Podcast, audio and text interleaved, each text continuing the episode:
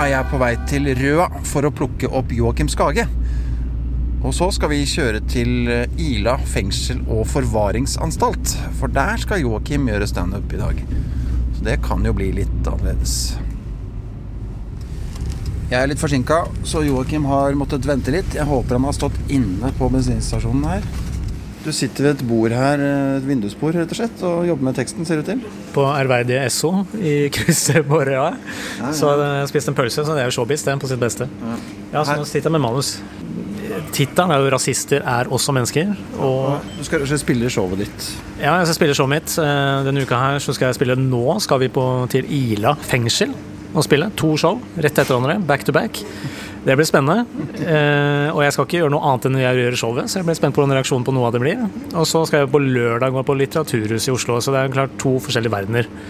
Men i forhold til eh, uttrykket på plakatene, så har jeg blitt inspirert av American History X-plakaten. Hvor han, Ed Norton står på i forsiden der med nazitegn på brystet. Jeg har valgt å putte da et fredstegn isteden. Du står altså i bar overkropp, ja? Jeg står bare overkropp kropp med fredstegn der det er nazi-hakekorset på Ed Norton. Og så har jeg tatovert, eller tegna inn tatovering. Jeg gjorde ikke, det gikk ikke så hardt inn at jeg faktisk tatoverte. Men uh, tegna på tatovering hvor det står komiker, og sånn uh, istedenfor barb wire eller sånn, hva heter det? Nett... Piggtråd? Piggtråd. Så har jeg små mikrofoner, da. Så uttrykket er jo ja, tydelig. Absolutt. Du, jeg er veldig spent på hva det er du er spent på når du sier at du skal gjøre showet sånn som du vanligvis gjør det, uten å ha tilpasset det. Lokale forhold. Jeg skal bare ha noen batterier til spilleren, jeg. Ja. Ja, da fikk jeg ikke tak i batterier, så da går det sikkert greit uten. Men ja, hva det er du er spent på Vi setter oss i bilen, Ja, vi gjør det. så finner vi ut av hva du er spent på.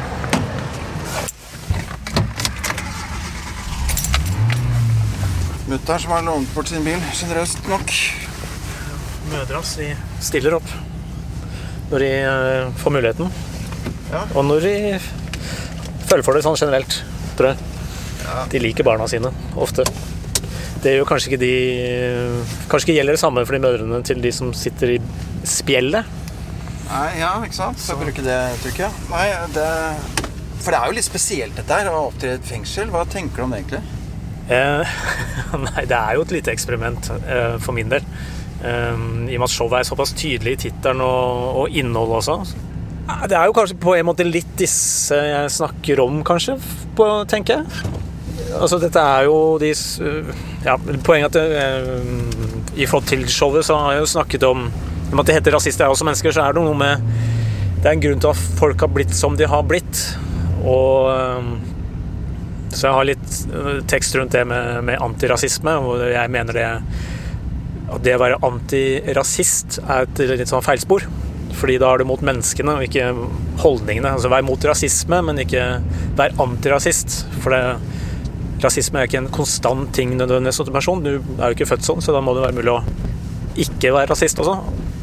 Og da tenker jeg da, i forhold til øh, de som sitter i fengsel, så regner jeg med at øh, det er mye som vis tegner til at eh, å bli kriminell har vel også noe med, med oppvekst og miljø å gjøre. Ja. Fordi vi, vi har snakket om det før, at den plakaten kan jo misforstås. Man kan, ja, for du hang opp plakaten utafor et antirasistisk arrangement, gjorde du ikke det? Ja, det var åpning av noe som heter Landsforeningen, for, eh, Landsforeningen ja, mot rasisme, tror jeg den heter. Det er Nystarta nå, så jeg var der for å se dette arrangementet. Og da hang jeg opp plakaten min utenfor. Og da Det gikk jo helt fint, det. Eh, Men det var én som stoppet opp, da, og som lurte på om eh, For det første om jeg visste hva som skulle foregå der inne, og spurte sa jeg Og det vet jeg. Og så lurte han på om det ikke var litt upassende av meg å henge opp den plakaten da, utafor det lokalet. Og da forklarte jeg jo hva showet er for noe sånt. At det er jo et si, antirasistisk show. Det er jo ikke noen nynazister som setter opp standup-show, eh, på en måte. Kunne ha vært det. Ja, jeg ville vært eh, kanskje mer originalt enn det jeg gjør, hvis det hadde vært det. Men øh, sannsynligheten for det er, er jo ganske liten. Ja, Men hva ligger i tittelen, da? Rasister er også mennesker. Um, Tittelen er altså, du vil jo ikke forklare kunsten din. hva, er det, hva er det du tenker med den tittelen? Han hadde vært så kvikk, Da hadde jeg sagt det med en gang. Men um, Nei, altså Inspirasjonen til showet kom Eller til tittelen og sånn var jo fordi jeg var skulle gjøre standup på sånt arrangement hvor en del komikere skulle stå på et sånn antirasistisk arrangement, og så ville ikke jeg gå på scenen og si rasisme er teit, og få sånn applaus, sånne appeller, liksom. Som jeg syns virker så utrolig kjedelig. Du er på en demonstrasjon, og så skal du tre timer med appeller med ting du er helt enig i. Det var poenget. Vi er alle enige her. Kan vi ikke bare Kan vi gå nå?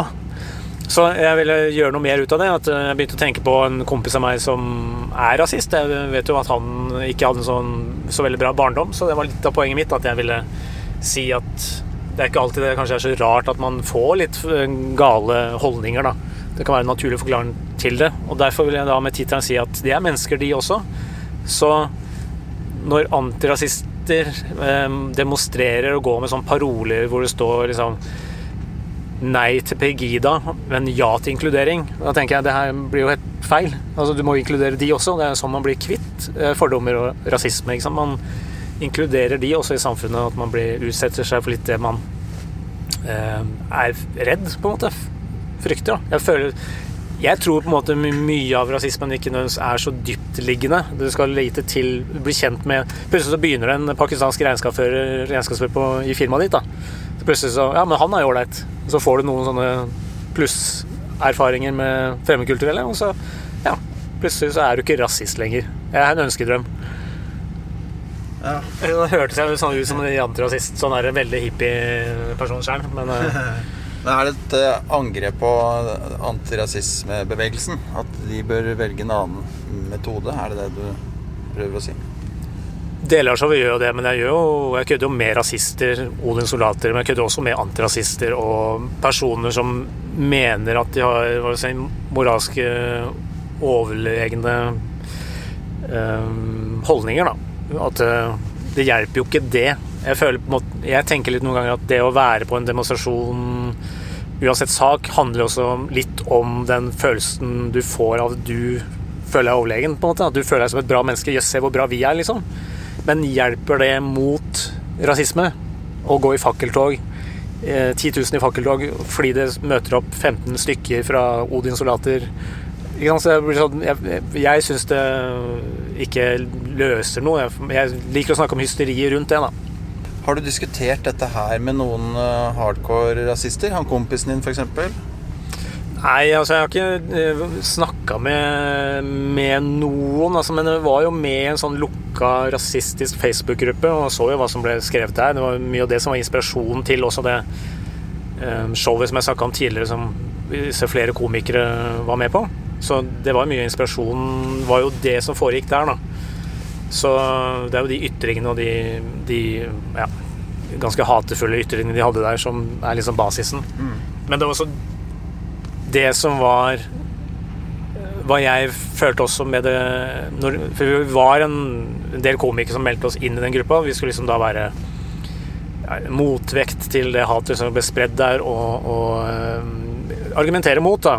Men det som skjedde, altså, jeg føler at det, det hjalp jo ikke, fordi de som var i den gruppa, de følte seg angrepet og liksom følte at gruppa var mer verdt enn noen gang, på en måte. Så det var der jeg fikk den ideen at det her er jo Vi klapper oss på skulderen for å si 'se hva vi gjør', liksom. Vi, vi tar opp kampen her, men så gjør det egentlig bare at de føler enda mer behov for å støtte hverandre på en måte, og mer, gi mer mening å ha den gruppa. da. Så det var det, jeg, det som inspirerte tekstene, som igjen senere inspirerte showet. Ja. Hvordan har det gått med showet? Eh, økonomisk er det en flopp.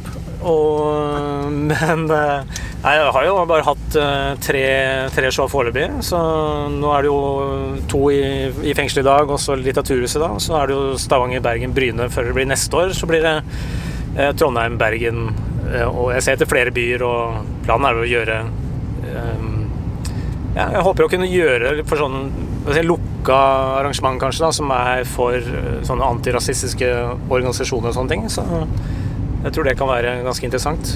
Så var det jo gull for meg i dag, selvfølgelig, at eh, Donald Trump vant valget. Det var, fikk jeg jo liksom, Det gjør at showet i hvert fall holder seg aktuelt. Ja, for deg som hører på, så har jo det allerede skjedd for en stund siden. Men eh, det var i dag vi fikk vite at Trump ble president. Hva, hva syns du om det? Overraskende, vil jeg selvfølgelig si. Ja. Det var det. Men det er jo sånn eh, man eh, tenker folk kan Tenk, det hadde jo ikke vært kult, men tenk hvis. Det skjer jo ikke. Og så skjedde det. Nei, jeg, det virker jo helt hår, hårreisende, men Men det gjør at du, du føler at showet ditt blir litt mer aktuelt gjennom det også? Ja, altså nå fikk jeg plutselig intervju på Østlandssendingen i morgen, som jeg, altså, som jeg skal gjøre da. Og så Aftenposten skal i hvert fall få arrangementet opp i sånn topp ti hva skjer i helga. Og det er jo litt sånn som en pressemelding jeg skrev også. Nå tok jeg med Donald Trump en ny versjon av den pressemeldingen, men som jeg sa, Åsne Seierstad har jo gitt ut, og en annen journalist har gitt ut hver sin bok om norske ungdommer som verver seg til IS. og han fra Profeten Umma er jo i rettssak nå. Sylvia Lystad vil jo stenge grensa. Det er mye antirasistisk arbeid som skjer, så det er jo absolutt aktuelt. Hvordan kom du på å gjøre show i et fengsel? Nei, Det var tilbake til det som jeg nevnte stad med, med eksperimentet. At jeg vil, jeg vil, se litt hvordan det spiller seg i liksom, forskjellige miljøer. Så jeg vil finne noen ytterpunkter. Og da tenkte jeg liksom det at uh, fengsel og, og Litteraturhuset er ganske veldig, veldig to forskjellige miljø. Og gi to forskjellige kontekster det man snakker om. Så det, det er det jeg er spent på i dag, er jo Jeg vet ikke. Uh, det blir jo litt sånn Ikke romantisering for min del, men man har jo sitt bilde av hva kriminelle Hvordan de er, og hva de kommer av. Og, Alle har jo ikke ødelagte barndommer, eller har ødelagt barndommen sin, men, mange, men noen har kanskje det. Og jeg vet ikke. Det er jo et tema som kanskje treffer noen av dem. Det kan jo være noen ordentlige rasister her inne, for alt jeg vet. Det kan være øh, ja, andre fremmedkulturelle som sitter i fengsel. Så jeg vet ikke. Jeg ser jo ikke for meg at det er sånn der som det er i amerikanske fengselsfilmer, da, med disse, hvor det svarte miljøet og det ariske miljøet og pumping av jern og Jeg vet ikke. Jeg har litt vanskeligheter for å se for meg at norske fengsler er på den måten også, så Men jeg vet jo ikke. Det kan jo hende vi ikke kommer levende ut av dette her, Yngre. Og det er, ingen hører denne podkasten. Det blir riots når du har show, ja? ja kanskje det blir det. Og så blir dette her Blair Witch Project av podkaster. De finner den podkastopptaket her. Men Hvordan ble det mottatt da fra fengselet når du tok kontakt? Vet du hva? Overraskende enkelt altså, og positivt. Altså, jeg kjenner jo en som jobber der, så det var sånn jeg fikk kontakt med akkurat dette fengselet. Men øh, hun har jo ikke hatt noe med selve det å gjøre, så jeg tok jo bare kontakt med som har, er aktivitetsleder der. Og det var liksom ikke noe det var, Ja, det har vi veldig lyst til. For jeg sendte jo mail og fortalte hva showet het og hva innholdet var, og jeg har lyst til å gjøre det gjerne for dere. I fengselet for, for de innsatte. Og det var de med på. Og de til og med ba meg sende plakaten også, så de har hengt opp det òg, da. Så da Skilt til fengsel til venstre. Ja, greit. Ja. Men er det Ila fengsel Gartneriet, eller er det Ila fengsel? Jeg tipper at gartneriet og fengselet ligger i nærheten av hverandre, tror du ikke? Så Ila fengsel der? Ser jo ja. skilta. Men hva, hva, tenker du om det å, selve det å komme inn i et sånt ja, i et fengsel? Litt annerledes venue? Ja, det er jo Har du vært i fengselet før? Jeg har gjort standup én gang i fengsel. Det var med bl.a. Jonas Bergland. Da var vi en fire komikere som gjorde standup. Bare hold ut litt støy fra vifta. Det var litt mye dog på rut, da. Ok, fortsett. fortsett. Fortsett nå? Bare fortsett nå hvis du vil. Jeg bare ville si fra til lytteren at den støyen skal avta etter hvert. Jeg skjønner. Jeg tror det var uklart om det var til meg eller til lytteren. Ja, det var til deg òg. det er veldig forvirrende å være med på podkast. Joakim. Uh, samtidig som jeg er på vei til et fengsel hvor jeg er litt usikker på hva som venter meg. Ja. ja, ja. Men det er jo veldig spennende. Så Hva har du egentlig spurt om nå? Mista tråden ja. etter den vifta kom på. Hjelp å ta ned vinduet litt, da? Nei, ikke sikkert ikke. Nei, forventninger til det å være Her har vi fengselet. Hvordan ser det ut? Kan ikke du beskrive for lytterne hvordan det ser ut her? Det er noen hus foran også. De som bor her, nei, de som jobber her, bor sikkert i disse husene, tror du ikke det? Ja, det ville vært veldig rart å ha hus her uten å ha noe jobb i det. Men Kjell mister jobben og måtte bo her, da. Fengselet er jo en mursteinsbygning med høyt gjerde foran.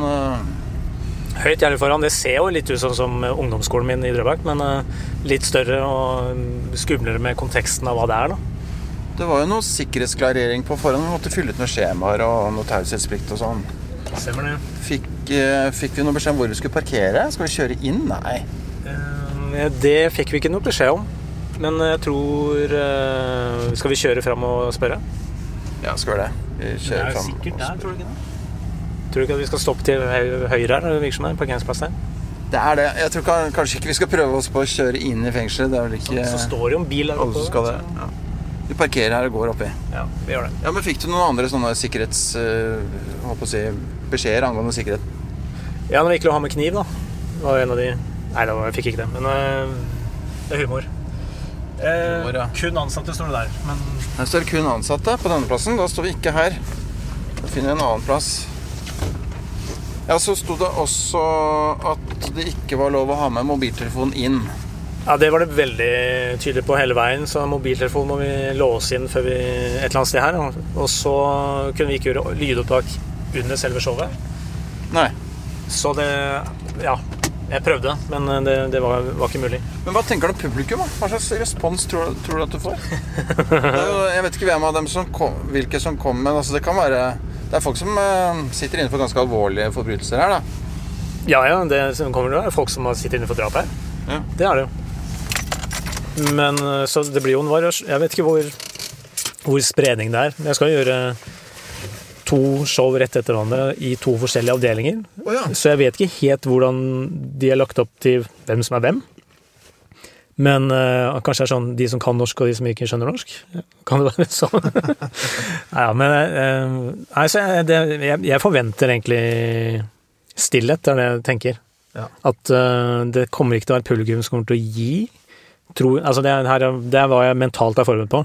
Fordi da, hvis jeg går med mentale innstillingen at uh, de ikke gir, så blir jeg ikke satt ut når de først, hvis de heller ikke gjør det. Ja, sånn, ja. det er Så hvis jeg mister selvtilliten fordi jeg har forventninger at dette blir full jubel og baluba, og så blir det ikke det, så, så mister jeg selvtilliten der oppe, ja, da tror jeg at jeg er død, altså.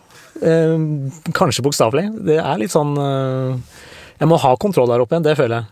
Jeg må være uh, Gå inn som en komiker som eier rommet. Det er det, det, det er det jeg tenker. Du, er ikke, du, er, du er ikke keen på å vise usikkerhet? Overhodet ikke. Da går vi ut av bilen og rusler opp til eh, fengselsporten. Veldig høy port. Er du ikke enig? Veldig høy port. Ja, De tar ingen sjanser her, åpenbart. Ja, tydeligvis ikke. Eh, Men er det, noen, er det noen helt konkrete steder i showet som du er spent på reaksjonen på? Åpninga. Bare rett og slett åpninga, for den er hard. Hva sier du da igjen? Eh, Jeg er jo en skalla komiker, så jeg sier um, slapp helt av. Jeg har ikke kreft, men jeg er nynazist. Og så har jeg noen mer jokes om uh, Pegida og sånt. Eh, jeg har også sagt friskpakka? Beklager deg. Jeg har også sagt Hei Hitler, men det kommer jeg ikke til å si her. Det, det er bare å glemme. Men, så du, du justerer litt på showet likevel, ja? ja, men det er fordi Det er vel mer redigeringsprosess at jeg følte at det ikke blei Det holdt med å si kreft nynazist, um, følte jeg. Så det rett og slett det blei litt smør på flesk. Nei, du trakk deg. Trakk deg, ikke. Det vil jeg ikke ha på meg. Nå vil jeg ikke ha kritikk for at jeg gjør standup-show som heter rasister og som mennesker i et fengsel, og så får jeg, får jeg bli hekla av podkastsjefen. All respekt, altså. Du, blir du mer nervøs for dette her enn for en annen jobb? Nei, det føler jeg ikke. Jeg, føler, jeg, jeg syns jeg er mentalt forberedt, og jeg er ikke bekymra for det. Jeg er mer avslappa, rett og slett fordi de har ikke noen forventninger til det jeg gjør, tenker jeg. De går jo har ikke betalt penger for å se det showet, så de, de, de må jo se det showet. Så det kan jo gjøre det noe vanskeligere, da. Her er vi ved porten. Det blinker inn noen sånne sperrer som skal hindre biler i å kjøre inn. Med mindre de får tillatelse. Og så står det, står det sånn forbudsskilt eh, med mobiltelefon på. Vi har begge mobiltelefoner med. Ja, Vi må vel nesten ta den med inn innafor, da. Men Hei, du. Det er en- en komiker og en venn som gjerne vil gjøre standup her inne. Er det mulig? Ja, Får prøve å få til det, vel. ja, så bra, det. Eh, har dere vært her før? Nei. Når du kommer inn nå, så holder du bare venstre. Ja. Helt til du kommer til en rundell. Den skal dere gjennom, og så skal dere skrått høyre, og der finner dere hovedinngangen. Strålende. Det skal vi klare. Det er bra. Fint, takk skal du ha. Ut først, er det ikke sånn? Gratulerer, du har sona ferdig. Ja, deilig. Ja. Det er Jovial tone. Ja, vi må jo starte, og, men eh, han, det vet jo ikke de som sitter der inne. Han dro jo. Han burde jo kommet inn. Så hadde han, kunne han gått fram. Du vet, Han er ganske ålreit, han fyren her. Han komikeren. Ja, jeg tenker på mellom deg og han eh, i jeg, da. Å ja, ja det Jeg tenker på han som gikk forbi, han som, som jobber her antageligvis. Ja, ja, begge, ja takk. Men uh, jeg er jo en kjent jeg er ikke, Hva mener du? Jeg er ikke- jeg er ikke kjent for jovial. Er du, er du litt nervøs og oppfatter, opp, misforstår ting? Og Sårbar. Sårbar. så, er sårbar, ja. ja. Ok, så er det en sluse. Hva, hva, hva heter dette her? Hvordan ser denne ut?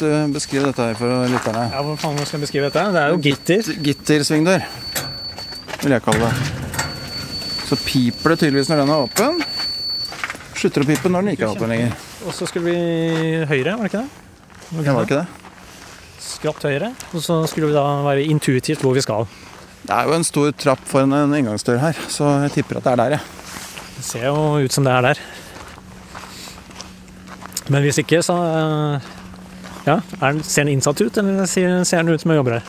Han har casual klær. Og så står det i døra, har T-skjorte og vanlig bukser på. Så Run DMC på, faktisk. Det var jo fint. Sivile klær, er det ikke det man kaller det her? Ja, det er jo kanskje ikke vi som Ja, jeg tror det, når vi kaller det. Er det? Er det? Hva trenger du nå? Ja, alt? Da trenger vi ID. Ja. Dette er lydopptaker. Jeg lager, gjør et radiointervju med han, skjønner du. Ja. Hvis det går bra. Så vi tenkte vi skulle snakke bak, bare backstage, ikke noe i rom Nei. som han som er sikkerhetsansvarlig avdelingsleder, er skal se showet, og det er vel en grunn til det. Ja, det ikke sant. Så han kommer. Ja, men hva er forskjellen eh, på Hva er, hva er forskjellen på de to avdelingene? Det er litt strengere i syblokka. De du skal først, det er litt- det er litt strengere, så da Ja. Så de hardeste De har drept en sånn standup-kar før. Jeg ler nervøst. Det er vits, men det er kjerna sannhet òg. Og det showet het uh, Tant og fjas og moro. Så Vi har hatt noen Vi har hatt standup her før, ja, ja. for noen år siden. Åssen har det fungert, Lisa da? Tønne. Åssen det har fungert? Nei, jeg kan altså, jeg kan godt fortelle om Hva heter han som var med i Senkveld? Han Hva kaller kaller det? Nils Ingar. Odne. Odne. Ja. Nils Ingar, ja. Og alle lo på feil sted. Det var jo ikke noe morsomt i det hele tatt. For det er ingen som drikker her. Og det var sånn, ja Det, var, det ble kjedeligere og kjedeligere. Og han ble litt flau. Altså, litt teit stemning. Så til slutt så begynte han å fortelle masse politivitser. Da lo jo alle. Syntes det var dritkult. Helt til han sa Ja. Og så det verste at jeg fanga alle dere som sitter rundt her. Eh, Tusen takk for meg. Hva sa du? Hva er det skal vi klare? Er det dokumentar nå? Nei, det er en podkast om eh, at jeg er komiker og jeg gjør et show. Så jeg skal gjøre det her nå, da. Og så skal jeg på Litteraturhuset i Oslo på lørdag. Så det er veldig sånn forskjellige miljøer. Det, det skal du med Litteraturhuset på lørdag? Ja. Ja, ok, så du skal ha show for de innsatte her i kveld? Ja. Og så er det du som skal liksom lage en story rundt dette her, eller ja? ja. Så det er en, en podkast som handler om eh, komikere altså i arbeid, kan du si. da. Ja. På arbeidsstedet? Ja. Det og hvordan forventningene mine er til dette her, og eh, hvorfor jeg valgte å gjøre showet her. Så Ja, det, det er interessant. Har, har du noen fengselshumor. Nei, jeg tror ikke det. Eh, Jeg har ikke, noe, noe spesialskrevet noe for å være her. Jeg, Det er sånn spesiell humor. Du har egen humor inne. Nei, jeg må si at Det er en litt spesiell humor her inne. Så Litt sånn svart humor. Det må du ha kanskje litt sånn overlevelsesstrategi. ja, ja, ja. Både innsatte og ansatte. Ja. ja, men det er jo sånn i eh, jobber med mye stress og sånn. Det er jo ventilering og Det er jo nødvendig, det. Har du fått all informasjonen nå? For da må vi ta, gå gjennom portalen her. Ja. Ta alt som piser og Skal vi legge fra oss mobiltelefoner? Ja. Det må legges inn der. Ja. Ja. Hei, hei. Vi er fritidssteder begge to, men i bånn så er vi da fengselsstudenter. da. Det er derfor vi er litt morske. Ja, hei. Hvordan eh, tror du dere kommer til å funke i dag? Eh, Jeg er litt usikker, fordi temaet kan være litt sånn Slå begge veier. Så vi vet ikke. Men eh, det, tiden vil vise det. Absolutt. Vi låser oss inn gjennom alle dørene her. Litt sånn amerikansk filmfilling, eller? Ja, nå begynner det å komme. Absolutt. Det var ikke sånn eh, Det var ikke SFO, merker jeg. Men jeg ser jo egentlig alle låser som positivt her, egentlig.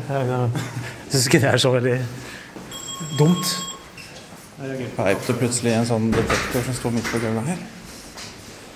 Men det er jo litt sånn eh, Hva heter den? Grønne mil. Ja.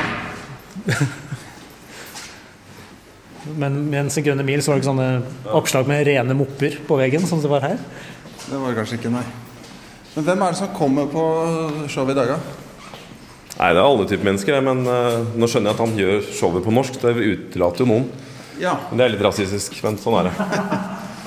Men uh, kommer det likevel folk som ikke forstår norsk på showet? Nei. Jo, vi serverer klingende, så det kan fort hende. Men jeg tipper at nesten alle er norske. Eller altså norsktalende som kommer. Det er, det er jo nok. Men er Ila fengsel og forvaringsanstalt en eh, institusjon med ekstra Altså for folk som har gått, begått ekstra alvorlige handlinger? Ja, fordi eh, forvaring betyr da tidsubestemt straff. Det vil si at eh, Jeg må vel låse døra her, det er litt viktig. En eh, god dør er en låst dør. Eh, Det vil si at eh, de må vise endring. Og hvis de ikke viser endring, så kan de bli her i prinsippet livet ut. Ja. Ja. Og, siste de, og da kan jo showet mitt bli det eneste de ser. Så det bør jo funke. Det kan i hvert fall bli det siste du ser òg, vet du. Ja, vi kan le nå. Kan le nå. Le mens du kan, pleier jeg å si. Vi har bare gjort det sånn. Eh, Jeg vet ikke hvordan du ønsker egentlig at det skal være. Eh, Vi gjør hurtig noen endringer, om så er Ja, Tilfelle. kanskje litt mer. Fire bord med stoler som står utover her. En gymsal som er eh, dekket inn med noen tepper for å gjøre rommet litt mindre. Er Samme som det gjør i Oslo Spektrum, bare litt mindre skala. Men det er litt stått der, men det er at vi har veldig mye treningsapparater oppå der, så må vi flytte de ned. Og det er ikke noe, vi, det er ikke noe jobb, vi klarer det, men ja, nei, det, jeg vil heller stå Nede her? Ja, nede. det er vakthold her, så det går fint. Ja, ja, det, Nei, ikke det er aldri noe problem. Nei, det har veldig tenkt på det. Ja, 20-25 plasser er det lagt opp til. Og så er det noen stoler bak. To ganger tre stoler. Der tipper jeg vakten det skal sitte, altså. Men utover det så er det egentlig bare Jeg vet ikke om det finnes et sånt høyt, høyt bord som jeg kan ha et, noe vann på og papir. Høyt bord. Ja, nå prøver jeg å gjøre det litt uh, intimt, for nå er vi jo i en slags Nei, ikke en slags, vi er vel i en gymsal. Uh, med fint med, med tepper, mørke tepper ved siden av som avgrenser uh, rommet. Men lyset er jo sånn sterilt sterkt. Og så er det litt sånn langbord med fire stoler på hver. Som ja, Standup er jo, jo tettere, jo bedre. Jeg trodde det faktisk skulle være litt flere. Ja, jeg fikk følelsen av at det var sånn 100, men eh, ja, ble spent. Vi begge, begge showene blir her, da, eller? Ja, ja, ikke sant? Hvordan fungerer påmeldingen til sånn her, da? Det er ikke noe påmelding. Nei. Altså Det er eh, frivillig om de altså, vi, bare, vi har prøvd påmelding tidligere. Og Da viser det seg at eh, mange av de som eh, melder seg på, de kommer ikke. Og så er det mange som da ikke leser oppslaget i det hele tatt. De, eh, de kommer. Altså, altså det, det er liksom Det er ikke noe vits i. Så det er opp til hver enkelt. eh. Vi prøver å, prøver å reklamere, og så ser vi hvor mange som kommer. Vi kan estimere på første forestilling et sted mellom eh, 10 og 20, tenker jeg. Og på andre forestilling et sted mellom 20 og 30. Ja. Så, I utgangspunktet så er det kanskje 40 som har den mulighet første forestilling, og 70 på andre. Så, så det er jo kanskje 20% som møter 20-25 De fleste velger da å sitte på cella eller se på TV, ja, se på TV eller gjøre aktiviteter på avdeling. Hvilke avdelinger var det som kom igjen på første og andre forestilling? Ja, det er ikke noe, Vi har en, en, noe som heter Sydblokka. De kommer på første, og så har vi hovedbygget på andre. Og hva er forskjell på de stedene der? Ja, Det er noe strengere regime på første, altså Sydblokka. Ja. Men Kan de gå fritt fra cella si og ned hit, eller? Ikke, ikke fritt. De blir fulgt Ja. av tjenestemenn, selvfølgelig. Som banker på og vil du se på standup. Nei, det blir meldt, det blir meldt, uh, meldt at arrangementet er klart. Og så møter de da på Eller så går de på avdeling Eller de er jo på avdeling. Og så tar tjenestemenn eh, med fra avdeling og følger dem hit. Det er ikke noe Skjønner. mer hokus pokus enn det. Men, men det kan være ulike grunner til at folk ikke møter. Ja. Eh, en del har angst, eh, rett og slett for litt større menneskemengder. Andre kan ha noen konflikter med medinnsatte som gjør at de, de velger å ikke komme. Eh, ikke at det er så veldig eh, Ja, det er ikke et stort problem. Men eh, altså, de har ulike pro grunner altså, for å ikke møte. Ja. Noen foretrekker å være i sin egen i sin egen eh, Hva heter det så fint? Eh, I sitt eget selskap. Ja. Kjenner igjen i det. Er har jo-. De har jo jobb og skole på dagtid, og noen trenger å ta den pausen. Altså ha den pausen for seg sjøl på kvelden. Mm.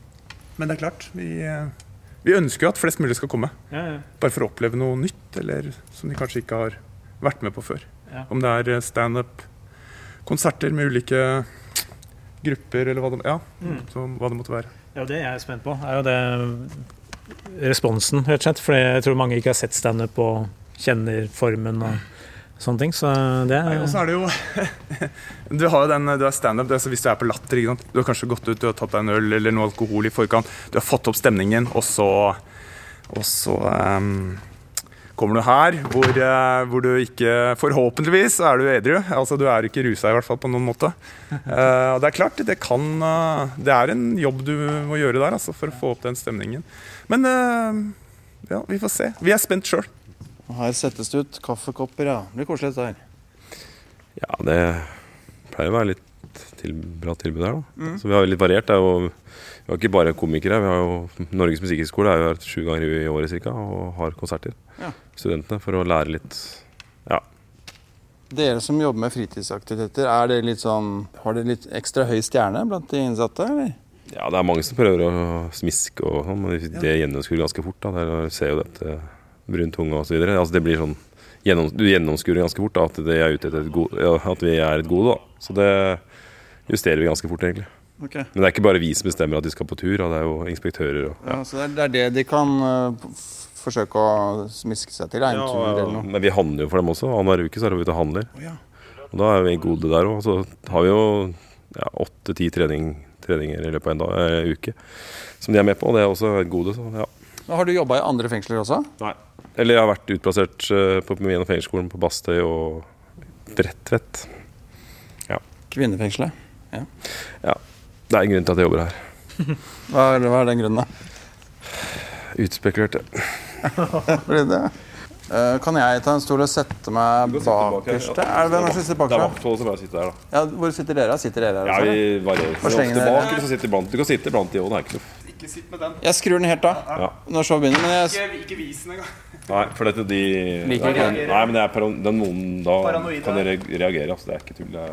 Kanskje ikke ta med ut hit. helt. Nei, jeg tror kanskje vi bare setter deg vi legger den bak der. Vi har ikke annonsert at det er noe Men hvor, hva slags ja, for Da jeg spurte om, eh, om dere har en høy stjerne, så sa de at det, gode, du nevnte det med goder. Vi er et gode, Men, men, men er det sånn også at eh, får man, Hva slags kontakt får man med de innsatte? Altså, du skaper en relasjon, spesielt her på Ila hvor de har lange nummer, Så er det jo, er det, blir det jo at vi blir kjent med dem. Men det er jo sånn at vi er jo ikke venner med dem. Altså, det er bare det er jobben vår. Men vi prøver å legge til rette for egeninnsats for endring. Da. Det er jo det som er, ja, som er viktig. Da. Altså, at de skaper nye, får nye interesser og ja, litt forskjellig. Mm. Så Er det mye problemer her med fangene? Her i forhold til andre fengsler, det tenker jeg på. nei. Det er mye mindre bråk her enn andre fengsler. Fordi at uh, vi er såpass oppe Altså vi har god kontakt med innsatte, og det er en, mye mer enkeltindivider og ikke så mye grupperinger. Nei. Tenker jeg. Eller sånn, ja. Gjengere, liksom. Det er ja ikke det. Er ikke det. det, ja. Nå begynner, ner nå begynner nervene. Øh, Men Det er ikke nødvendigvis fordi det er fengsel, men det er jo sånn det er før, en sånn time før showstart, så blir jeg urolig i kroppen. Da må jeg begynne å bevege meg og gå. Um, og det merker jeg nå at jeg gjør. Og så begynner jeg jo å visualisere hvem som skal være her, da. Og så må jeg jo se ja, Som du sier, det gjør man jo uansett som komiker, men jeg må se an litt hva hvordan de forskjellige ting går. da, Så mulig at jeg må hoppe. Så kan det hende at jeg hopper opp i noen annen tekst som ikke er showet, liksom. Ja. Men uh, jeg prøver så langt som mulig å holde meg til showet. Det er jo det som er ideen her. Så får jeg heller ta stillhet. Iskald. Vi har et rom, rom vi kan være på, eh, vi, ikke sant? Da har vi forflyttet oss inn på bakrommet. Joakim var jo veldig opptatt av at vi måtte ha et eget bakrom. Hvor de, hvor, de, hvor de måtte sette inn frukten til oss. Og det Bakrommet er da biblioteket, og det vil bli låst mens vi sitter her. Det blir låst mens vi, vi er her, og når vi ikke er her. Og all, som de sa, en god dør er en låst dør. Ja. Så det skjønner jeg er regelen. Og du koker deg en kopp te og koser deg. Jeg fikk vannkoker, da, vet du. Hvordan er eh, nervene? Du, eh, nå kjenner jeg de, nå kjenner jeg de, for nå er det jo ikke For først vet du ikke hva klokka er, for vi har ikke fått klokke med oss. Så mye er den. Jeg vet ikke hvor lenge det er til showstart. Det er en klokke over døra. Kvart over fem viser den. Så det er en klokke her. Så det er Ja, ikke så det er et kvarter igjen. halvtime til showstart. Å ja, er det kvart på seks, ja? Ja. Aha. Så, eh, så det er vanskelig, Jeg tror ikke det er noe forskjell Jeg merker ikke noe forskjell på meg nå enn ellers. Blir litt sånn stressa før jeg skal på scenen uansett. Men det er jo sånn du, kroppen blir klar. Altså, Har jeg ikke vært litt stressa og nervøs, så blir det dårlig. Så du må være litt sånn på tå hev for å prestere. Men jeg ser jo på biblioteket her at eh, de har bøker som 'Agent Storm på innsiden av Al Qaida'. Ja. Eller Al Qaida, eventuelt, som du Og Orientekspressen. Torbjørn Færøvik. Ja, det var ikke den jeg, Vårreise. trodde, det var jeg trodde var med Agatha Christie, hvor, eh, hvor alle de mistenkte var drapsmannen. Alle stakk et knivstikk i offeret. Som er jo også en god Du virker litt nervøs. Joakim. ja, Veldig altså, opptatt av at det er et fengsel. Men det blir man jo. Man blir veldig bevisst uh, på det hele tiden. Fordi jeg skulle låne toalettet. Eller jeg spurte om hvor er det toalett, og da sier han ja, det er jo to toaletter. Eh, Det er innsatt toalett der, og så er det ansatt toalett her. Du kan velge selv. Ja, det er noe med smittefare og sånn. Jeg tar det der ansatt toalettet, jeg. Hva gjør du nå de siste minuttene? Nei, nå kommer jeg til å se litt på tekst, og så kommer jeg til å tenke på settingen vi er i, og se om det er noe jeg umiddelbart tenker at jeg ikke skal gjøre. Men eh, det blir jo kreft nynaziståpning uansett. Ja, Sharia står her. Ja, jeg skal snakke om litt om sharia. Ja, For her står altså alle overskriftene på det arket her. Ja, Det er på en måte settlista for showet. Så er det ja, alle temaene med undertemaer. Er det det vi har her? Ja, det er tema med noe av ja, kan du si, undertema, noen av de punchene, poengene på det tem, over, ja, tem, delpunsjer på, på tema. da. Delpunsjer, hvorfor sier jeg det? Jeg puncher på tema, rett og slett. Det er ikke så jævlig komplisert, dette her. Så, det, ja, så, det er, så den kommer jeg til å ha liggende på krakken der oppe. Ja. Um, så ja, det var jo interessant han sa at eh, de kan miste interesse, og Nisingar var kjedelig inntil han snakket om uh, politiet. Ja. Så, eh, men jeg tenker at eh, temaene mine er nok mer relevante og interessante for disse enn vitser om eh, Om det er Nisingar-vitser om. Han sa jo også at det kan hende at de går underveis hvis de kjeder seg. Ja, Men det er jo ikke så uvanlig. Det har jo du også vært med på. Så det tar jeg ikke Skal ikke fangene få Skal ikke vi dømme fangene for. Nei, det, nei det, det skjønner jeg veldig godt. Hvis du sitter i et fengsel og så kan du gå og se standup, og så faller ikke det umiddelbart i smak, da tror jeg det er godt tilbake og sett en DVD. altså. det er nok av eh, Nok av serier og Jeg vet ikke om de får sett noen serier, men nok av ting og annet å gjøre. Ja. Ble også bedt om å pakke vekk opptaksutstyret, eh, spilleren her. Eh, Og ikke bare at jeg ikke skulle gjøre opptak der inne, men de skulle heller ikke se den. Skulle ikke se spilleren. For da kunne noen reagere, sa de. Så den kommer til å ligge, bli liggende her inne på biblioteket. Ja. Um, så vi får ikke noe lyd, dessverre, fra showet. Um, men eh, ja, ja. Det var, sånn altså, det. det, hadde vel ikke blitt den mest massive publikumslyden heller. I Hva, en, hva mener du med det? I en gymsal med Skal du begynne òg? Skal du også begynne å synge? I en gymsal med 20 mennesker, så det, hjelper ikke hvor- god du er, liksom. Det, Da var første økt gjennomført med de hardeste, som de sa. Ja, det var 15 stykker der, og så kunne visstnok omtrent halvparten da ikke norsk, da. Ja, og det merka jeg jo tidlig. Altså, du så jo på den ene siden at eh, det var steinansikt og ikke skjønte. Men eh, det, det var en gjeng som var med, og det var liksom konsentrere seg litt om de. Og de Ja, jeg syns jeg er helt fornøyd, jeg. Ja. Jeg syns det var egentlig ganske fin respons, jeg. Du fikk jo en del latter og Det ene bordet der var fint. Den, den ene gjengen der var veldig fin. Han som jeg trodde nesten var jugoslav og ikke, jeg var overraska og lo, for han kan norsk. Ja, det var det jeg tenkte. Men han var veldig med, og han danske foran øh, var jo med. Det var et par stykker som kom med innspill, liksom. Kommentarer her og der. Ja, de, ja og det er sånn sett, det også som man forventer litt i sånn setting, at de, det er ikke den artist-publikum-relasjonen. Jeg står jo også på gulvet, jeg står rett ved de, så de føler at de kan være med litt. og det, det Jeg har ikke noe problem med det. Det går helt fint. Av og til når det var litt grove ting, så var det en som sa sånn Yes, yes! Og fikk masse latter i salen på det. Ja, jeg merka når jeg dro på noe, på noe av det ja, grove, noe seksuelle. Så ikke at det er mye av det der, men så merka jeg at de responderte. Det ble litt sånn hardt og litt drøyt. Og det var jo det de som jobba her, snakket om også, at de, det var litt mørk, litt hardere humor. Så Men jeg, jeg merka jo Den det ble litt eh, annerledes i forhold til eh, noe av det materialet. Når jeg skal si at det var en afrikaner på fest, og så sitter jo da eh, flere afrikanere i salen. Han er en dansk afrikaner, da. Han var jo med, han. Han skjønte jo norsk. Og, og da tenker jeg ikke på som afrikaner, men som dansk, at han skjønte norsk. For det skal jo ikke mer til. At, eh, jeg, jeg har jo sett eh, dansk standup selv, og jeg henger jo ikke med. Har du vært på Comedy Zoo i Kjøben? Aldri live, jeg har bare sett noen YouTubes. Ja, jeg har vært der. Jeg trodde jeg ikke skulle skjønne noen ting, men jeg forsto ganske mye faktisk den kvelden. altså. Ja. Men jeg har hørt eh, dansk standup på CD, da skjønte jeg ingenting. Nei, og det hjelper jo at du ser personen, og du kan se munnen, og du Men jeg føler at jeg ligger sånn eh, to sekunder etter. Så at de har sagt det, og så skjønner Å ja, å ja, nå er jeg med. Og da er det videre. ikke sant? Så det man ligger Den timingen er jo så delikat når det kommer til standup, da. Det var et par stykker som gikk også. Noen henta litt vann, og noen gikk seg en runde. Så Du hørte bare at de tassa rundt teppet, og så kom vaktene etter. Det var mye tassing på et tidspunkt der. Ja, det var litt sånn urolig. Og det var jo for så noe de sa også, at de kan plutselig finne på å gå litt og sånn. Og det, det gjorde jo ikke noe for min del. Ja, Da står vi på backstagen igjen, biblioteket etter showet. Hvordan syns du det gikk? Du som er eh, fritidsleder, var det ikke det du kalte det? Jeg må bare si at eh, det fungerte veldig bra. Eh, Vi har jo hatt et par standup-folk her før, sa jeg vel i stad, og da har det jo vært litt ymse med åssen det fungerte. Denne gangen så syns jeg det, virka, det gikk veldig bra, og jeg syns den røde tråden og budskapet, som ikke bare er humor, funka bra. Altså det var liksom Ja, det, det er i hvert fall det jeg sitter igjen med. At det var veldig mye morsomme historier, og det med rasisme, budskapet, funka bra. Ja. Ja.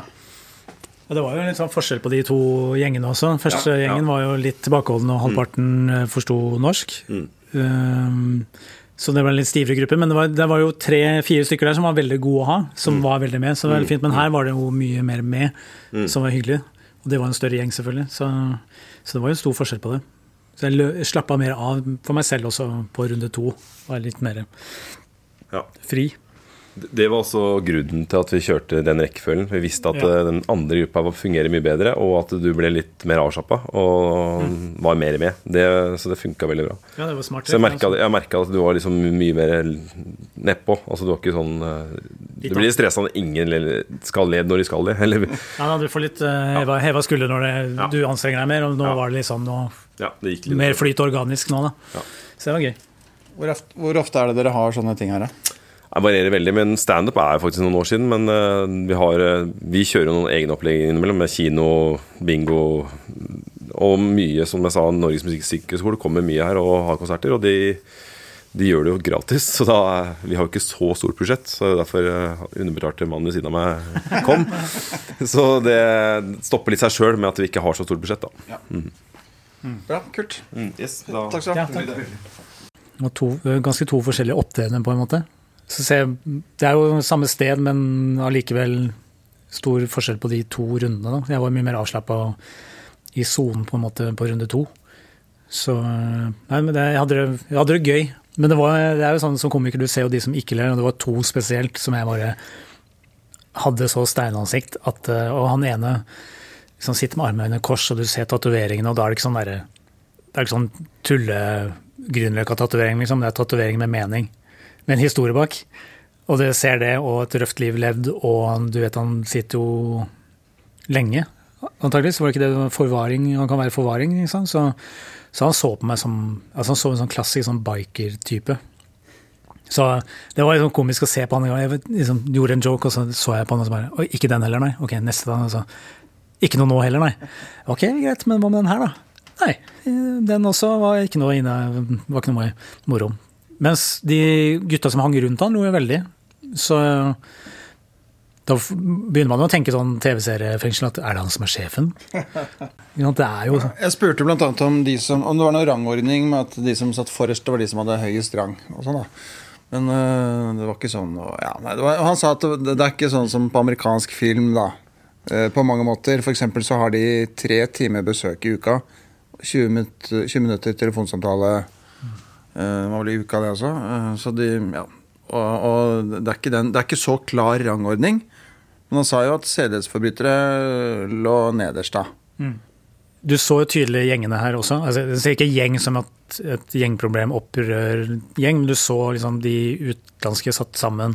De som satt foran, var jo de gamle gutta med sølvgrått hår og sånne handlebar mustache. Så det var sånn bikergjengen der liksom, i mitt hode, da. Men det var jo det var ikke sånn de blanda seg veldig. Så det var jo så tydelig at eh, de har et miljø som Det er jo ikke unaturlig, det, at man eh, har det. Men, eh, så, men du, jeg, fra scenen så ser jeg det veldig tydelig. da. Vi fikk jo også beskjed om at de to grupperingene som var her i dag, skulle ikke møtes. Ja, ikke sant. Uten at vi fikk vite helt konkret hva det gikk på, da. Nei, og det er sikkert gode, gode grunner til det.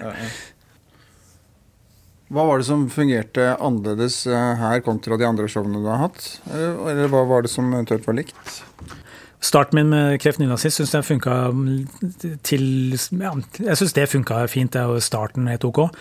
Men når jeg begynner å snakke om um, ja, Odins soldater og litt sharia Jeg vet ikke, jeg følte kanskje noe av det ble litt vanskeligere, og jeg gjorde nok Unnskyld, redigerte meg selv litt inn i det.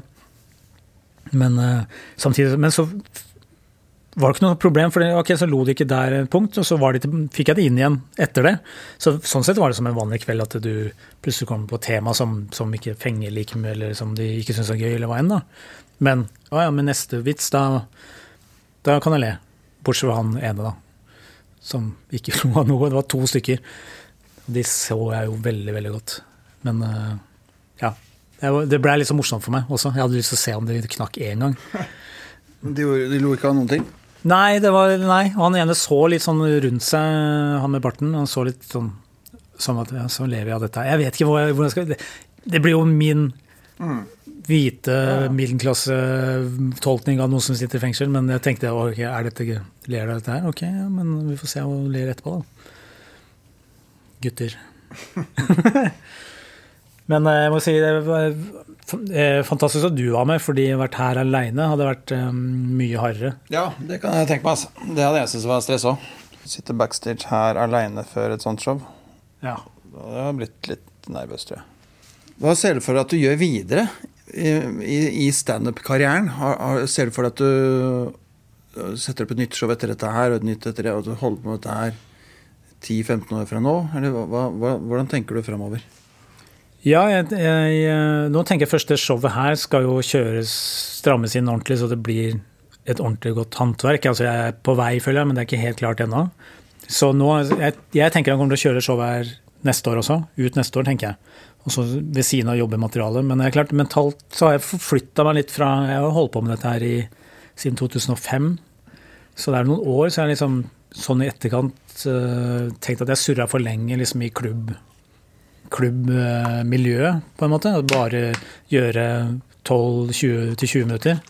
Så jeg følte litt den utfordringen eh, eh, etter hvert at det blir sånn groundhog day, at du igjen lever den samme klubbtingen, og det ble kjedelig. Så det at det showet ble hva det ble også, var jo litt tilfeldig. At jeg begynte å snakke om rasisme, og så begynte jeg samtidig å få en sånn uro i kroppen med at jeg vet da faen, jeg må sette opp show. Jeg må komme meg videre, jeg må ta neste steg og signalisere til de andre at jeg er en seriøs komiker. For det er jo litt det jeg føler med Det er sånn vi oppdaga sjangeren, var jo Raw, uh, Richard Pryor og de showene, liksom. Og det er jo det som er å være komiker. Og sånn sett så hører jeg det Seinfeld sier, liksom, er, det hører jeg på hele tiden. Og som han sier, det er jo når du har et show at du er komiker, liksom. Du har en act. Og det er jeg helt enig i. Men Er du komiker på heltid, eller gjør du noe annet ved siden av? Eh, Jeg er komiker på heltid, og jeg er også med å drive Reis deg komikerklubb, da, som er eh, holdt på i, Klubben har jo holdt på siden 94, som gudfaren av standup, eh, som han sier, startet. Jonny K var med på det. Men Ja, For du er nestleder der, ja. ja, på papiret så er jeg vel egentlig leder når han er styreleder. Så Er du, er du blitt leder av EDK? ja. Og han er styre, styreleder. Så Er det sant? Er, vet folk dette? Breaking news! Ja, altså hvis man er på årsmøtet til RDK, så får man, får man med seg sånne ting. Men, Så dette ble kunngjort på siste årsmøte til RDK? Ja, det er vel to år siden. Så, men i prinsippet så er arbeidsoppgavene våre ganske like, men eh, Eller ikke like, men likt som det på en måte var. Men jeg har nok mer ansvar for drift av klubb enn det Jonny har, da. Så Men, men, eh, men Bare i praksis, eller på papiret også? For jeg mener at jeg får mail fra deg hvor det står 'nestleder er reisekomiker', eller husker jeg feil? Nei, du øh, Ja, det er godt mulig at det ikke har Det er ikke mailadressen som er det viktigste, jeg merker. Men, men du, fordi det har vært snakk om at du kanskje skulle overta som leder, og når blir det, og Men du har gjort det, altså? Du er leder for RDK? Det er ikke jeg som har sagt om det, men kanskje folk i miljøet har sagt om det. At øh, når, når tar Joakim over? Men øh, Men du, har altså, du sier at du har tatt over? Ja, jeg er leder, men det, for Jon er fortsatt uh, mister RDK, liksom. Det er jo ikke noe tvil om det. Han jo, personifiserer jo klubben på mange måter. Men hvordan er det å være en sånn ledertype i et standmiljø hvor det er en sånn person som må gi strenge beskjeder og si nei til folk og si ja til andre? Og, hva, du hvilken posisjon føler du at du får i miljøet av det? Det er klart at du, du må ta noen av Du blir han litt øh, kjipe noen ganger som må passe på papirarbeid og sånn, men samtidig så vet man man får ikke betalt heller hvis man ikke har det i orden. Så det er sånne deler, men nei, generelt så føler jeg vi er en sånn liten gjeng som, som øh, kommer overens, egentlig. Men Hva var det du gjorde før du ble komiker? Var det ikke noe telefonsalg eller noe i den duren der? I duren der. Jeg jobba i Norsk Gallup. Um, så jeg var begynte som intervjuer, og så jobba jeg som supervisor, og så ble jeg avdelingsleder slutt, så jeg jobba der og var der i 10-11 år, tenker jeg.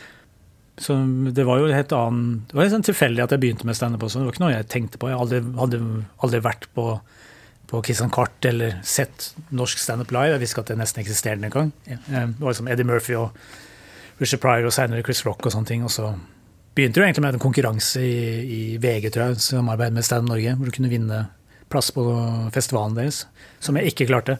Og så kjente jeg noen som kjente noen som kjente Lina, så jeg fikk sendt manus dit, som anbefalte meg RDK, da.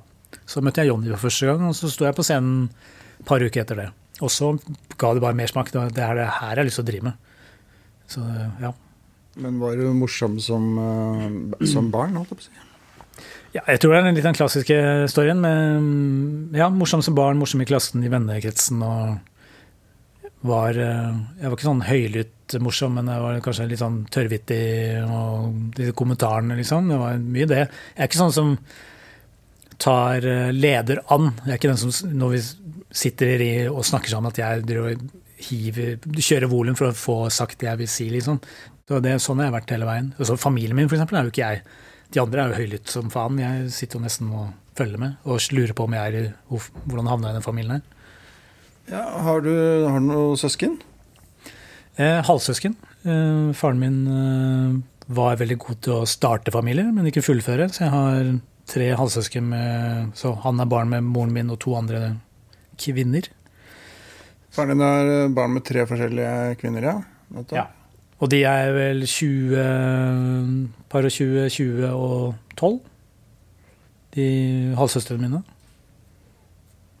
Så Men ja, akkurat det, det farsforholdet der er litt sånn av og på. Så det er sånn av og på-forhold, så jeg har ikke så mye kontakt med han akkurat nå. Men eh, Hva, hva, slags, hva slags far var han? Eh, han var jo en eh, kunstner i den forstand han var teatermaler. Eh, levde teaterlivet på det glade 70-tall. Så det var jo klubbsju og eh, drikking, drikking, drikking, så det ble jo alkoholiker. Hvilket teater var det han jobba på igjen?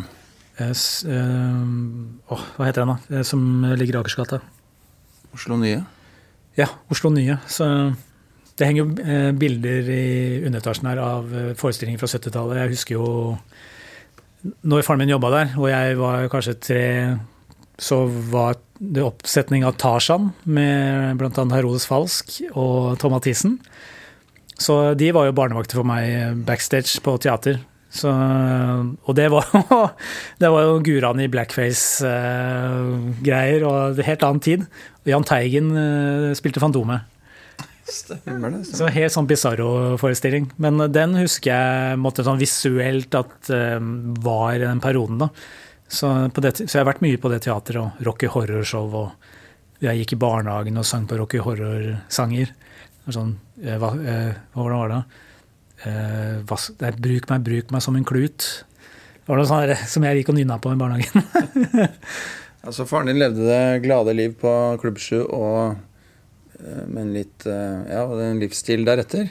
Ja, det var det. Og det var jo, liksom, vi ungene var jo på det Klubb 7 vi også, så det var jo trehjulssykler der. Så vi sykla rundt. Så de satt og røyka og drakk og jo, Jeg husker det som et, nesten som et godt minne, akkurat det. For det var jo en sosial ting og andre kids og sånn. Men, men det er jo andre ting i, i oppveksten med faren min som eh, ikke var så bra. Men eh, som bare var sånn eh, Noen ganger For moren og faren min skilte seg når jeg var jeg vet ikke, par år, kanskje. Og jeg fikk en stefar ikke så et år etter, som fortsatt er stefaren min. da som jeg sa moren min fortsatt. Men uh, faren min var sånn av og på avrusning og sånne ting. Så, men det er han som har liksom etablert humoren i meg.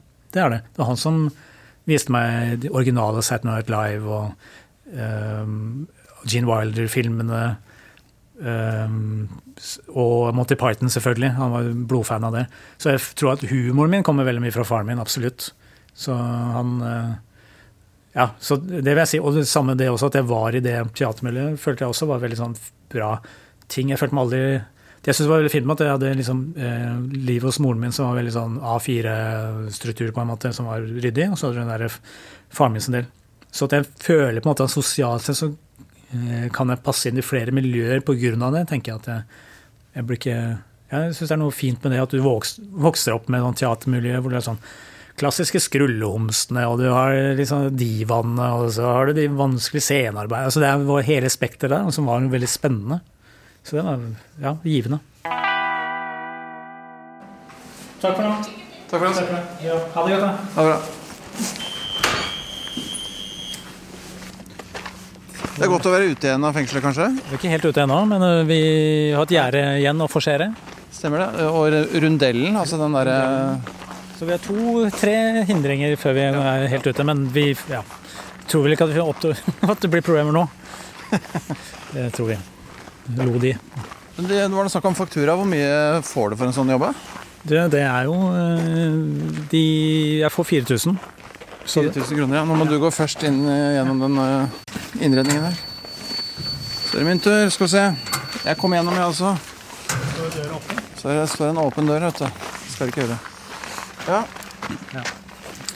ja, det er 4000. Så det er jo ikke en godt betalt jobb, men det var jo egentlig ikke derfor jeg gjorde den heller. Jeg ville jo gjøre ja, jeg ville jo gjøre fengsel, så for meg var ikke det så viktig. Så Men ja. Ja, men eh, ja, fordi du sa at du, du driver bare med dette her, så du lever av standup, du. Ja, det er det jeg gjør. Så, og selvstendig, på en måte. I den forstand at ehm, Altså, jeg gjør standup, og så tjener jeg litt gjennom RDK, da. Med driften av det. Kan man spørre hvor mye du tjener på det? Eh, Det kan du ikke spørre om, men det er ikke nok til å leve aleine av det. Men eh, på årsmøtet så får du utredning. Det har, de utredningene om økonomien til RDK på årsmøtet, det får man ikke mye ut av. Nei, nei, men det er der. Nei, det, er, det er- ikke stor sum, liksom. Så la oss si at eh, Jonny og jeg til sammen har ett årsverk, da. Så det er jo Ja. ikke, så det er ikke mye. Men har du mye altså, firmajobber og sånn, eller? Ja, noe, men ikke så mye. Så det er sånn at jeg klarer meg akkurat. Eh, Mye klubbjobber, da? Klubbjobber, det har jeg. Eh, også nå som det er show, så tjener jeg jo litt på det, da. Men eh, det er jo sånn at det går akkurat. Det er ikke noe mer enn det akkurat nå. Så det kan ikke være sånn her så altfor lenge. Så, sånn sett er jo også ambisjonen med show, ikke bare showet, men det å ha show, da. Å forflytte seg litt som komiker. Men uh, samtidig så driver jeg også uh, sammen med noen flere driver og jobber med noen TV-ideer, så kanskje det kan bli noe, men det er ikke noe penger i det per nå. Det kan jo bli aldri heller, for en saks skyld. Ja, sånn som det ser ut for TV-bransjen om dagen, ja. Men det er klart at det er jo eh, tøft. Altså jeg, I den forstand at jeg er jo ikke i noe eh, byrå. Jeg er jo ikke noe Stand Up Norge eller jeg er ikke noe iStage, og det er jo de to som eksisterer. Og da det er jo litt vanskeligere å leve av det. Så eh, Men foreløpig så, så går det. Det går når du bor på ettroms alene som 42-åring. da. Det er jo det er jo et liv, det òg. Ja, ja, nudler er godt, det. Ja, det Eh, Jeg er ikke helt på nudelnivå, det er det ikke. Men eh, ja, det, det er greit nå. Jeg er- fornøyd. Altså, jeg er fornøyd fyr, men jeg har ambisjoner om mer i sånne, forhold til sånne ting. Men eh, ha det! Så eh, ja, ambisjonen er der. Så, men jeg, måte, er fornøyd, jeg er lykkelig i den forstand. Jeg gjør det jeg har lyst til å gjøre. og jeg, Det er veldig gøy å holde på med EDK, holde kurs og sånne ting, og nykommerkvelder. Og det, jeg, synes det er, jeg liker det veldig godt. Så, men jeg kan ikke holde på på Jeg har liksom, liksom ledd av Det verste som fins, må være å være sånn trubadur. Ikke? For du vet at som musiker så var ambisjonen din var jo å bli bandkjent, og så driver du og spiller andres låter på, for fulle folk, og det er samme låten en gang. Men så har jeg tenkt Hva er egentlig forskjellen på den trubaduren og meg? Han drar damene på slutten av kvelden, jeg gjør ikke det, liksom. Så det er, Gitaren. ja, det er den gitaren, da. Så øh, du, du føler jo litt at Du kommer til det punktet hvor det, ok, skal det aldri skje, skal man aldri breake, liksom? For jeg føler jo egentlig at jeg ligger nært et ikke, ja, Jeg føler at det ligger nært et break i den forstand at jeg er en, Jeg føler meg som en god komiker som vet hva jeg holder på med. Sånn at uh, bare det neste Det skal så lite til for å liksom bli sett på en eller annen måte. Da. Så, og da er jeg på en måte klar. Men el, hvis ikke det skjer, så blir jeg han derre som de lager dokumentar om om 15 år som aldri klarte det, men som alle visste hvem var. Blir sånn Anvil av komikere, liksom. Så han var, fy faen, han var bra, men det skjedde jo aldri noe der. Så det er jo den Det er det man eh, sovner med noen ganger. Og, og, og så våkner man og da, Å, ny dag, og å faen, jeg har ikke noe på planen i dag, nei. Jeg må prøve å få til noe, da. Så det er jo det harde, da. Du må hele tiden altså, Være komiker er jo én ting, det å stå på scenen er én ting. Men så er det jo, skal du promotere deg selv, og så skal du drive med regnskap etterpå. Og så skal du, du skal skaffe jobber. Jeg merker det med show nå. Altså, det er jo Litteraturhuset på um, lørdag som stresser meg mest, for da er jeg mer avhengig av at det kommer folk bare sånn økonomisk. At det ikke går i minus. Går jeg null, så er jeg fornøyd, men jeg vil jo gjerne tjene penger. Men skrekken er å stå i den salen som kan ta 200, og så er det 40, liksom. Det er jo mer det. For det er sånn som her, så er du jo nødt til å møte opp på den fengselsjobben. Det, det går til hva jeg Jeg vet hva jeg går til. Men uh, når du arrangerer selv, og, jeg må promotere det selv og lage Facebook-ads selv, jeg må skrive pressemelding, jeg må følge opp pressemeldinger, uh, få, eventuelt få folk på gjesteliste. Eh, Prøve å få folk til å komme, ta med noen venner, da. Få med showet. Det er jo ganske hardt. Så, så det, til tider kan det sånn, øh, føles litt sånn overveldende at åh, fuck. Det er liksom ingen som står i hjørnet ditt og gjør noe. Det er ikke noen manager, det er ikke noen ting. Du må gjøre alt. Og det, det kan være tøft noen ganger. Og så får man en bra jobb, og så ja, shit, og nå er det gøy. Så det er litt marginalene, eller marginen er ganske sånn det er en fin linje mellom at det er kult, og at det kan være litt eh, sånn ensomt og, eh, og ja, ensomt er jo kanskje litt det. At du kan I og med at du ikke har noe jobb å gå til som er sånn Sånn som jeg hadde før, når jeg jobba i Norsk da. Arbeidsplass, ordna forhold, ordna lunsj, feriepenger er ordna, eh, skattepengene er trukket. Nå må liksom gjøre alt sånn til sjæl. Og det Ja. Men samtidig så vil jeg ikke bytte. Fordi jeg heller gjør dette her som gjør meg, gjør meg lykkelig. Som jeg får. Det er jo et privilegium å kunne stå på en scene og uttrykke deg med noen ideer du har. Det er jo en fantastisk ting når det svinger med publikum. Det er ikke noe bedre enn det. Og så får det også noen tunge jobber hvor du går hardt. Men jeg ville ikke gjort noe annet. Heller litt den uforutsigbare å gjøre noe morsomt enn å ha det der gallup-livet jeg hadde, da. Det klarer jeg ikke. Takk for at jeg fikk være med deg på jobb. Jeg holdt på å fryse av meg fingrene her. Vi får sette oss i bilen og kjøre av gårde. Den skytingen i bakgrunnen er bare fra skytterkollen, tror jeg. Ja. Så ikke tenk på det. Det er ingen som har rent.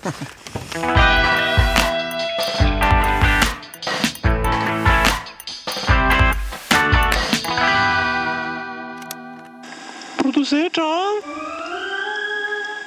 Ord og